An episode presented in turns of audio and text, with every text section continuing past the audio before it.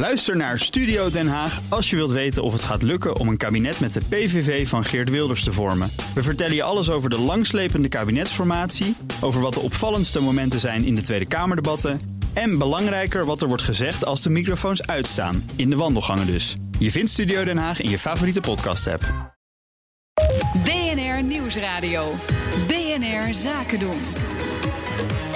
Thomas van Zeil. Net nu de Europese economie flink vaart mindert, gaat de Europese Centrale Bank minder stimuleren. Dat is voldoende om te bespreken in het economenpanel. Vandaag bestaande uit Luc Abe, hoofdeconoom bij Van Landschot Bankiers, Bert Colijn, econoom bij ING en Edin Mujadjic, hoofdeconoom OHV Vermogensbeheer. En mijn zakenpartner is nog altijd Fieke van der Lek. Welkom allen. Dit gebeurde afgelopen donderdag, die aankondiging van Draghi. Het lag natuurlijk al lang en breed in de lijn der verwachting. Maar is er toch, uh, Edin, wat jou betreft nog een belangrijke conclusie te trekken?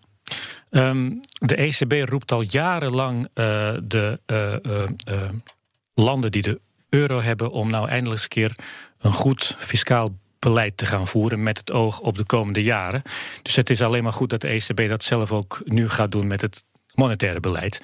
Um, het moment is in mijn ogen ook eigenlijk heel goed, want um, we hebben die andere ruzie in de EU tussen Rome en Europese Commissie. Um, Italië heeft heel veel water gedaan bij de wijn. En ik kan me niet aan de indruk onttrekken dat dat te maken heeft met het feit dat Italiaanse lange rentes zijn gestegen. Dus dat de ECB nu die, die markt wat meer ruimte geeft om zelf de prijs van het geld uh, vast te stellen, lijkt mij goed. Uh, ook met het oog op Italië, maar ook er zijn een aantal andere landen die het niet zo uh, goed doen met het oog op de um, EU-fiscale regels. Dus dat lijkt me maar goed. Geef die markt maar. Uh, over Italië komen wij nog uh, te spreken. Ik, ik moet ook overigens uh, zeggen dat ik jouw tweets in de gaten heb gehouden. En normaal gesproken ben je vrij kritisch over de ECB. Nu schreef je donderdag. Ik vind dit tot nu toe, ik weet niet wanneer je de tweet verstuurde, maar een zeer sterke, goede persco van Mario Draghi. Ja, uh, was hij toen al bijna klaar of um, moest het nee, maar groter nog gebeuren? Die conclusie bleef ook staan na het eind. Ik vind dat het voor hem ook heel makkelijk was geweest om. Uh, heel negatief te zijn voor 2018, de rest van 2018, wat er nog wat over is. En ja, dat, dat erop volgt. En dat heeft hij niet gedaan. Hij heeft gezegd. ja, de groei wordt wat lager, maar dat is niet hetzelfde als dat de groei laag zal zijn. dus voor het eerst in een lange tijd dacht ik.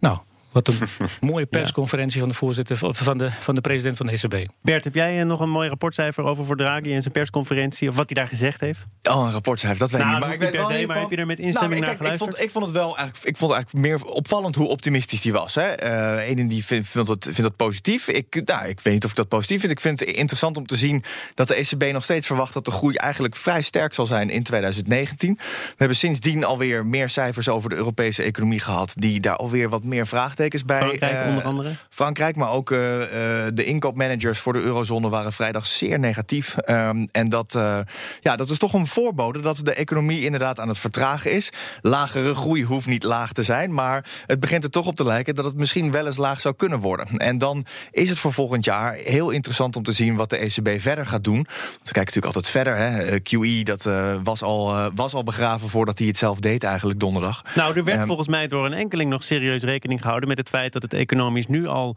dermate minder ging dan toen hij de aankondiging deed, dat hij daar heel misschien nog een of ander geitenpaadje had kunnen vinden om te zeggen.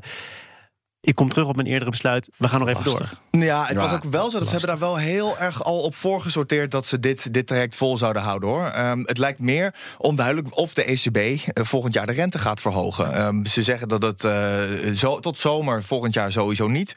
Nou, Draghi is een Italiaan, hè, dus de zomer duurt lang daar. Dus dan kan je het hebben over het vierde kwartaal dat het misschien zou kunnen gaan gebeuren. Maar met hoe de economie er nu voor staat, is de kans zomaar aanwezig dat dat misschien niet eens gebeurt. Maar ja, het risico dat je te laat stopt is natuurlijk vervelend dan het risico dat je te vroeg stopt. Want dan kan je niet alsnog weer gas gaan geven met dat opkoopprogramma. Dat risico zit in. Tegelijkertijd heeft de ECB zelf regels aangegeven waarvoor, uh, hoeveel ze op mogen kopen. En daar zitten ze eigenlijk al bijna aan. Dus dat hadden ze op moeten rekken. Ze hadden met hun eigen regels moeten spelen. Wilden ze daar nog verder in gaan. Dus wat dat betreft komt het ook een beetje tot een soort natuurlijk einde. Maar dit is waar ik het over had. Zij roepen de Europese overheid al jarenlang op fiscale, uh, uh, fiscaal voor te zorgen dat je, dat je vet krijgt op, op de botten. Voor het geval dat het economisch minder gaat, zodat je kunt ingrijpen zonder dat je de regels van de EU schendt. Eh, eigenlijk geldt hetzelfde voor de ECB. Die hadden veel eerder uh, het beleid moeten gaan normaliseren. Om ervoor te zorgen dat bij de eerste, uh, eerstkomende fase van lagere groei. En daar gaan we nu al in.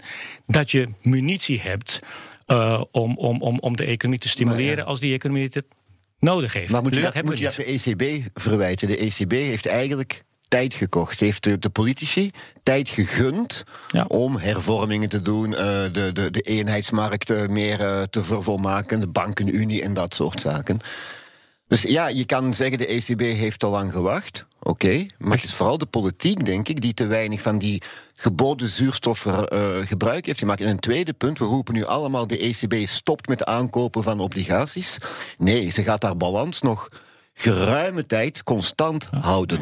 Elke, elke keer als er een Kun je obligatie, zeggen wat dat betekent? Want elke de keer, kiest voor elke iets keer als er een obligatie vervalt, wordt er gewoon netjes voor hetzelfde bedrag een andere gekocht. Terwijl tot nu toe werd er netto elke maand meer gekocht dan er, eh, dan er vervielen. Dus die, die, die, die grote olifant op die obligatiemarkt, die blijft nog wel even aanwezig. En vooraleer de ECB de rente gaat optrekken, ik denk dat we nog minstens twee keer kerstmis gaan vieren. Nu kan ik die voorspelling makkelijk maken. De eerste keer is volgende week. Hè. Maar uh, ik, ik, ik, denk dat het nog, hele tijd, nog een hele tijd zal duren. Ja. Ja. Waarom, waarom? Want dat zou betekenen dat eigenlijk als je zegt... die balans die blijft uh, zoals die nu is... en de rente die verhogen we voorlopig niet... dan kun je toch zeggen dat blijft een zeer ruim monetair beleid. Ja, dat is, dat is ook zo. Maar ik denk dat... Uh, ja, Draghi is een Italiaan. Nu volgend jaar zal die, zal die weg zijn. Maar we gaan straks hebben over schulden bijvoorbeeld in de wereld ook in Europa. Ik denk dat centrale banken in het algemeen veel minder ruimte naar boven hebben met die rente. Net bijvoorbeeld ja. wegens die schulden waar we straks nog over gaan ja, en, hebben. En, en wat we vorige week ook hebben gezien, kijk, de ECB heeft ook inflatieramingen voor, de, voor het jaar 2019, 2020 en 2021 openbaar gemaakt. En dat is heel belangrijk, want dat is een soort, uh, soort kompas wat de ECB op vaart. En als je naar de inflatieramingen voor 2021 kijkt. Daarvan zegt de ECB nu: wij gaan uit van 1,8% inflatie. Dat is A, nog steeds iets te laag voor de bank, maar B, geconditioneerd op het tot die tijd ruim houden van het monetaire beleid in de eurozone. Dus wat de ECB daar impliciet mee zegt is. Houden, als je er rekening mee hield dat we de rente in 2000, eind 2019 gaan verhogen en dat we daarna à la Fed steeds een nieuwe stap bij gaan zetten. Die kans is nu wel heel klein. Dus als die renteverhoging er al, al komt volgend jaar, eind volgend jaar, dan denk ik dat het bij die ene renteverhoging blijft. Dit is inderdaad voor een belangrijk deel begonnen om die inflatiedoelstelling te halen, die iets minder dan 2% is. Maar kan iemand me uitleggen waarom dat zo belangrijk is? Waarom we dat al jaren horen? We moeten naar die 2%. En als we hem dan gehaald hebben, dan moeten we nog kijken welke inflatie wordt dan precies wel of niet meegerekend. Maar waarom draait het hele verhaal om 2% inflatie? Dat heeft eigenlijk volgens mij te maken met waar we het zo meteen over gaan hebben, die hoge schulden. Um, hoe je het ook went of keert, onze moderne economieën stoelen voor een groot deel op almaar hogere schulden, zodat we met z'n allen meer uitgeven. Uh, die motor kan alleen maar uh, uh, ervoor blijven zorgen dat de economie groeit als je geen deflatie krijgt. Want hm. bij deflatie gaan de schulden zwaarder wegen. Omgekeerd is, bij aanhoudende inflatie aanhoudende inflatie snoept elk jaar een deel van die schulden weg. Daarom moeten we die aanhoudende inflatie hebben. Ja, dat is dan de, de, de, voorzichtige interpretatie. Je zou ook kunnen zeggen van kijk, als de economie lekker draait, heb je meestal een beetje inflatie. Dat beetje mag niet, uh, mag niet echt te veel worden, want inflatie ontwricht die economie. Dus ja, we gaan, we gaan streven naar een, een middle-of-the-road cijfer om en bij, om en bij de 2, de 2 procent. Ja, dus maar, dat, maar ook wat alleen... Edin zegt, het is voor de ECB lastiger om deflatie te bestrijden dan inflatie. Zeker. Dat is, ja, dat en, is ook want zo. ze begonnen ooit met ongeveer nul. En ja. toen hebben ze hem langzaam opgekrikt tot ja. tegen de 2 procent. Ja. Alleen het nadeel in het geheel, als we het over uh, economische groei hebben, is. Als je die uh, economische groei houdbaar wilt houden, dan moet het uiteindelijk komen uit uh, het feit dat de consument uitgeeft. Uh, dat wordt heel lastig als de loonstijgingen in Europa ongeveer gelijk zijn aan de inflatie in Europa. Want dan heb je elk jaar nominaal een hoger inkomen, maar je gaat er eigenlijk niet op vooruit. Dus je moet ervoor zorgen dat, dat, dat, dat, dat de lonen harder stijgen dan inflatie. Dat is op dit moment niet zo. Ik wil tot slot nog even naar wat Draghi op het einde van zijn persconferentie zei. Namelijk, uh, ik weet nu dat we dit instrument kunnen inzetten. Het zit in de gereedschapskist. Het kan er ook zomaar uitkomen weer. Dit is niet oh, voor altijd weg. Uh, ligt dat voor de hand dat we op relatief korte termijn toch weer dat opkoopprogramma terug gaan zien? Nou ja, kijk, met rente die momenteel nog negatief is en een expansie die uh, wereldwijd al een beetje uh, richting de blessuretijd begint te gaan, uh, moet je er niet gek van opkijken dat de ECB iets uit de gereedschapskist moet halen om een volgende mogelijke recessie te bestrijden. Luc had het over twee kerstmissen voordat de rente voor het eerst verhoogd wordt. Maar wie weet gebeurt er bij die tweede kerstmis wel iets waardoor we in een volgende recessie raken. Hè? Dat, dat zou zomaar kunnen, dat is nog een eind weg. nou, dan zal de ECB wellicht inderdaad QE uh, weer van stal moeten gaan halen. Maar ja, dan heeft de ECB dus feitelijk ook een groeidoelstelling. En dat was nou net het verschil tussen de ECB en de FED. Dat de FED een dubbele doelstelling heeft en de ECB een enkele. De, uh, de inflatie loopt natuurlijk ook enigszins met, uh, met groei mee. Uh, dus wat dat betreft ja, zal je toch zien dat ze dan iets doen. Het economenpanel is te gast en dat bestaat uit Luc Abe, hoofdeconoom bij Van Landschot Bankiers, Bert Colijn, econoom bij ING en Edin Mujagic, hoofdeconoom OHV Vermogensbeheer. Mijn zakenpartner is nog altijd en gelukkig maar Fieke van der Lek. En wij gaan praten over de wereldwijde schuld. Van alle landen in de wereld is die nu opgelopen tot, daar komt het, 184 biljoen dollar. En dat bedrag werd nog nooit gehaald. 184 biljoen dollar. Bert, hoeveel nullen zijn dat eigenlijk? Ja, dat zijn uh, moeilijke vragen. Een hele hoop. Een hele hoop. En dat bedrag, dat kun je zo noemen, eh, zonder enige context. En dan denk je, nou ja, dat, dat gaat mijn voorstellingsvermogen te boven. Is dat ook hoe we er naar moeten kijken? Uh, ja, inderdaad. Zonder enige context moet je daar eigenlijk niet naar kijken. Het gaat toch vooral in, uh, in het verhouding tot het inkomen wat, daarna, wat daar uh, tegenover staat. Dat is belangrijk.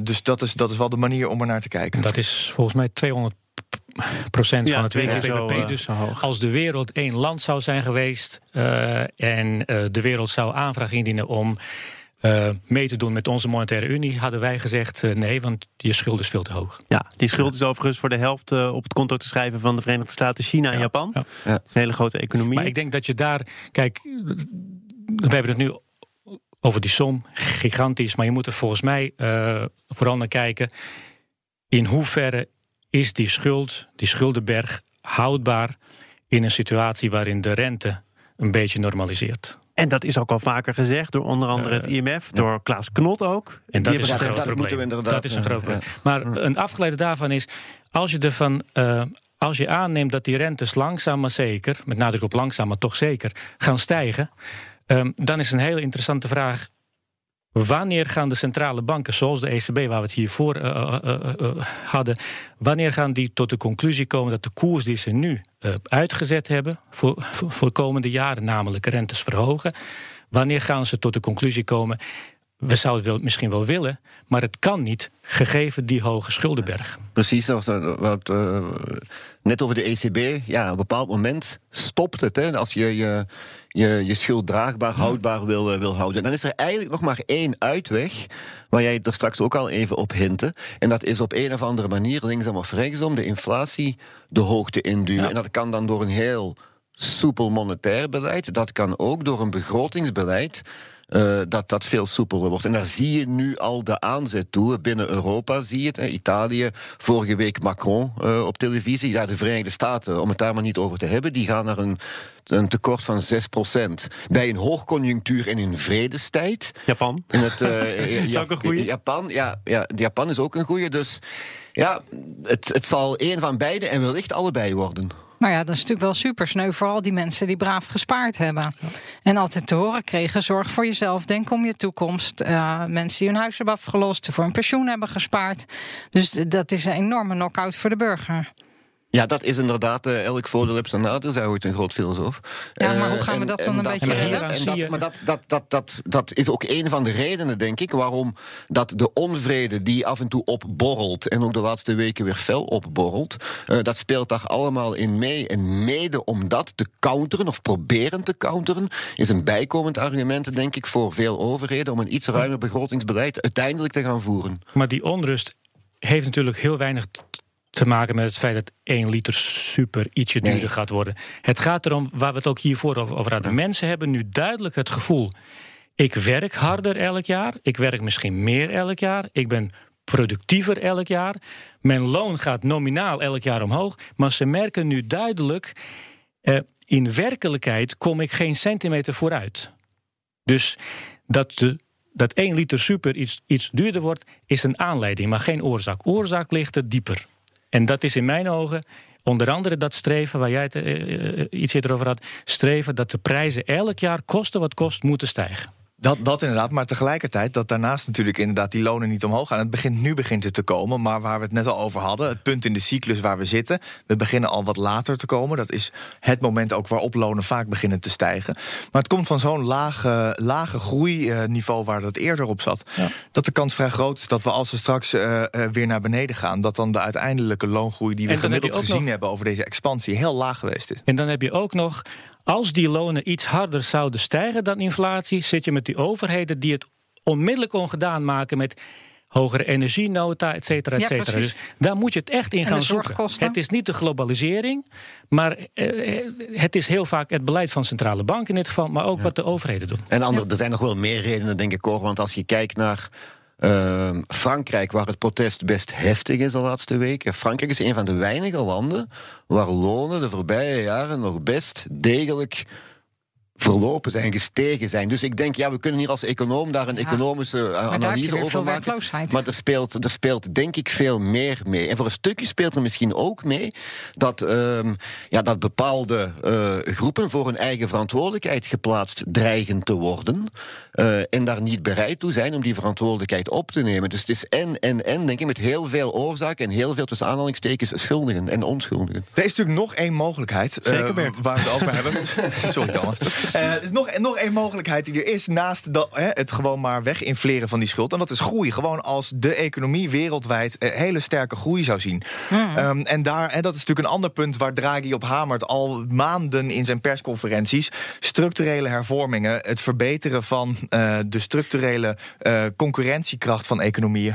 om die economieën soepeler te ja. laten verlopen. En dat is een lastig proces. En gebeurt niet, is, niet genoeg. Dat is 100% waar. En daarom is het extra zuur dat we die acht, negen jaren van 0% rente voor alles hebben gebruikt, behalve om dat gratis geld in te zetten om te investeren in dingen waarvan we weten die leiden na enige tijd gegarandeerd tot groei. Dat is volgens mij onderwijs, onderwijs, infrastructuur, etc. Dat hebben we dus niet. Wat we wel hebben gedaan is die schulden opgevoerd.